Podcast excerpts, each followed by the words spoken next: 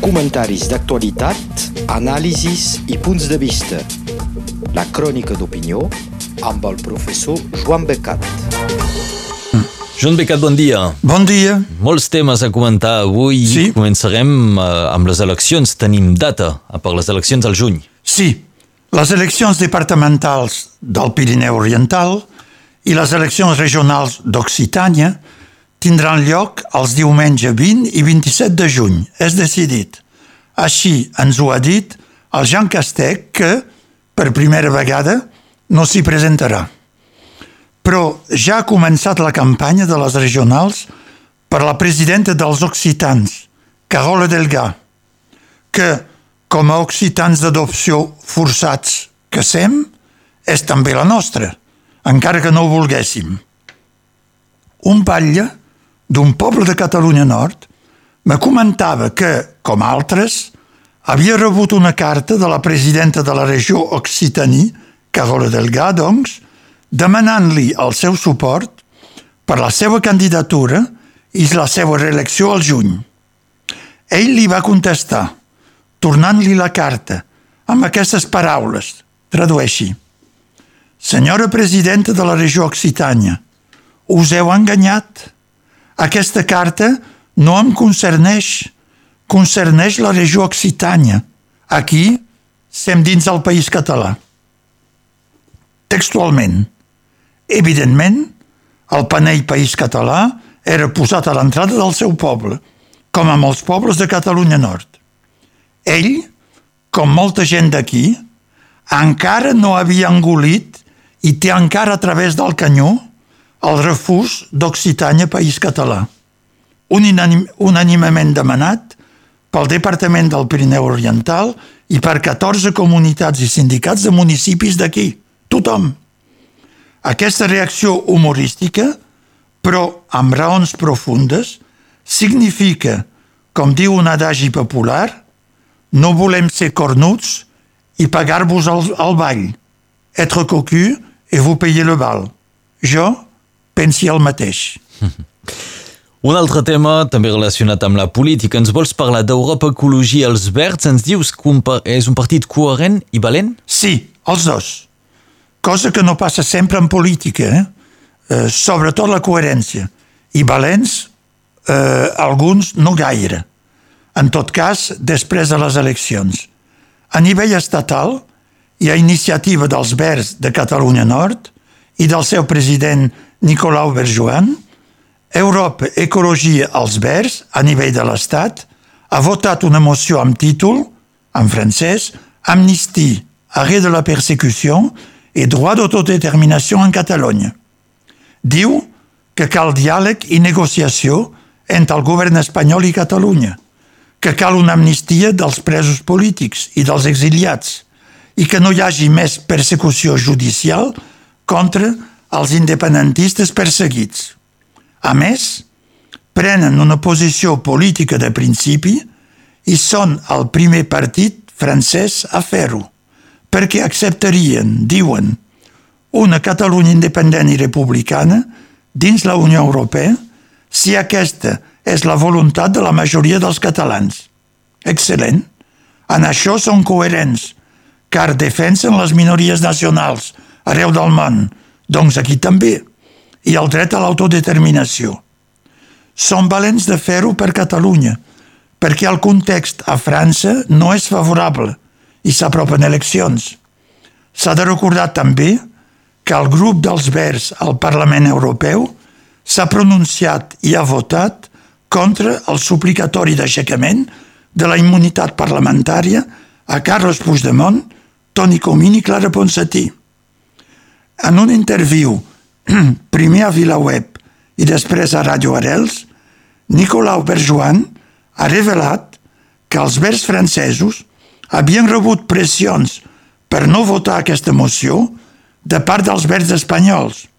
I, cosa més sorprenent, dels verds de Catalunya, Iniciativa Catalunya Verds, que fa part dels comuns i de Podemos, car no volen que se digui que Catalunya sigui una nació ni que sigui independent. I això que volen negociar la participació al govern de Catalunya. que quedi clar que pensen aquests. Bé, i això fa un poc de transició amb el següent tema, perquè ens interessem el que passa a Catalunya Sud en un moment d'intenses negociacions, com apropar posicions divergents pel sí. govern de Catalunya. Perquè, ara per ara, tot queda pendent, des de fa tres setmanes, després de la sessió d'investidura fallida, de Pere Aragonès, per l'abstenció de Junts, recordeu, perquè no hi havia cap acord i Pere Aragonès volia obtenir el suport eh, de Pererc i CUP sense decidir els punts de divergència principals. Després d'aquesta bufetada, que és la mateixa, recordem, que fa tres anys no va permetre la investidura de Carles Puigdemont per les reticències del president del Parlament, Roger Torrent, d'Esquerra Republicana, és el mateix, i després tampoc no van ser, poder ser presidents per les mateixes raons Jordi Turull i Jordi Sánchez. Per tant, la història es repeteix a l'invers. Pere Aragonès va primer continuar a ser intransigent. És una tàctica o un moviment d'humor. Va declarar que no volia ser supeditat a les ordres, doncs, de Waterloo i que volia ser plenament president de la Generalitat. Molt bé, noi, però tothom sap que no serà plenament de president, perquè a ERC no és ell qui mana, sinó Oriol Junqueras, que dirigirà a través d'ell eh, des de la presó, com en la legislatura precedent dirigia des de l'exili Carles Puigdemont a través del president Quim Torra. No eren lliures ni l'un ni l'altre. Per tant, declarar això començava malament. És Elisenda Palusia, la presidenta de l'ANC, que va plantejar la qüestió real, que no és ni el govern ni altra cosa. Deia, molt bé per la taula de diàleg amb el govern espanyol de Pedro Sánchez si el volem fer. Però, si aquest diu, com ha repetit últimament, que de referèndum ni parlar-ne, què se fa? És a dir, se vol negociar un govern de Catalunya sense perspectiva a mig termini, de cara a la independència, quan els electors han dit majoritàriament el que volen? Efectivament, és la qüestió clau. Constatant el carrer sense sallida, per la veu de Jordi Sánchez, el secretari general del partit, Junts proposa llavors de votar per un govern minoritari d'ERC i de la CUP, doncs que tindran els vots, ja que tenen un programa pactat, que l'apliquin, i que Junts passarà després a l'oposició. És una gran pressió. És l'anunci que caldrà, durant tota la legislatura de quatre anys, negociar tot amb ells, el pressupost i cada llei. Amb, d'aquí dos anys, un vot de confiança que vol la CUP. Per tant, és un camí de creu que desgastarà Esquerra Republicana, com ha desgastat Junts durant els anys anteriors, eh, i que prohibirà de fet d'aplicar el seu programa. Per tant, millor pactar. Si fem comparacions, és el desgast que ha patit Quim Torra de part d'ERC anteriorment. Ara bé, això sembla ser una pressió de Junts per millor negociar, perquè si no entren al govern, perdran les conselleries i tots els alts càrrecs de, de govern de Junts anirien al carrer. És un sacrifici molt gran, i el suportaria el partit? No ho sé. El que trobi més estrany és que, amb aquestes perspectives, Esquerra Republicana no faci algunes concessions polítiques per alguns punts del programa de Junts, per tenir quatre anys de govern estable i poder-se reforçar-se, ERC. Per exemple, decidir què se farà si hi ha un impàs amb el govern de Pedro Sánchez, o bé participar al Consell de la República, seguint la proposta de l'ANC de fer un comitè directiu a cinc, els tres partits, doncs la CUP, Junts i ells, amb la CUP serien majoritaris, més l'ANC i Òmnium Cultural. Finalment, finalment, la setmana passada, Pere Aragonès ha fet el que havia de fer ja fa setmanes, és a dir, telefonar i prendre contacte directe ell amb qui encapçala el partit, amb qui vol pactar i no ignorar-los. Mai s'ha vist això.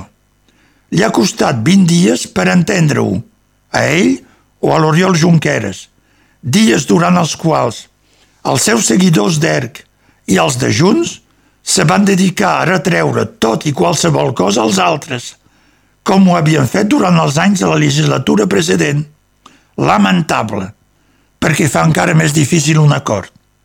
Doncs, Pere Aragonès ha parlat amb Jordi Sánchez i amb Laura Borràs, que encapçalen la llista de Junts, i també amb Carles Puigdemont a Waterloo. Carles Puigdemont, que presideix el Consell de la República i és un president de la Generalitat a l'exili. Val la pena. Pere Aragonès ha dit a la premsa que no era una conversa política, sinó privada. Ei, home, qui se pot creure que no han parlat de la Constitució del govern i que la trucada era només per demanar-li Carles, t'has fet vacunar contra el coronavirus? Suposi que la, les converses han donat fruits, perquè aquest cap de setmana Esquerra Republicana i Junts s'han tornat a reunir per negociar un pla de govern i llur participació. Finalment, esperi que hi hagi resultats. Ho seguirem. Deixem de costat la política i vols tornar sobre aquesta estrena a Radio Arrels que ara retransmet rugby en català. Sí, extraordinari. La setmana passada és a marcar a les agendes, en tot cas jo l'he marcada, perquè a més de la bona notícia de la llei Molac, un altre m'ha fet feliç i satisfet. He sentit a Radio Arels la retransmissió en català del partit entre l'USAP i Biarritz. No sé si ho han fet en basc a Biarritz, cosa que ens donaria avantatge aquí amb Radio Arels i el català. A mi m'agrada el rugby i he pogut seguir el partit des de casa. Els comentaristes van tenir molta sort perquè el primer partit retransmet, retransmès, el de l'USAP, va ser palpitant, indecis, però al final l'USAP va guanyar, com els alemanys al futbol. I aquest dissabte tornar. Jugava també a l'estadi Gilbert Brutus els dracs catalans contra l'equip anglès de Salford.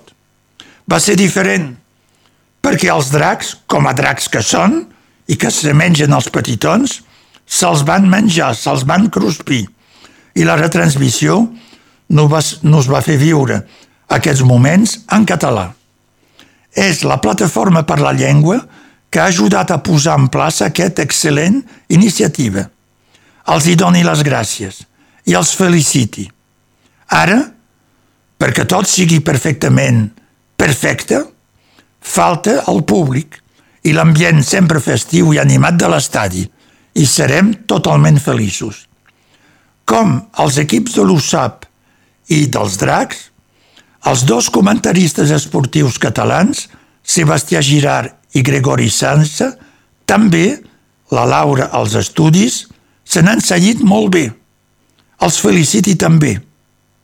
A la diferència del jugaire, suposi que no tindran cap lesió, encara que amb la veu no se sap mai, i que no se faran expulsar per targeta vermella.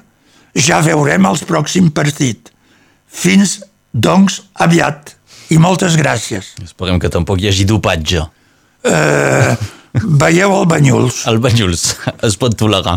Joan Becat, moltes gràcies. Bon dia a totes i a tots.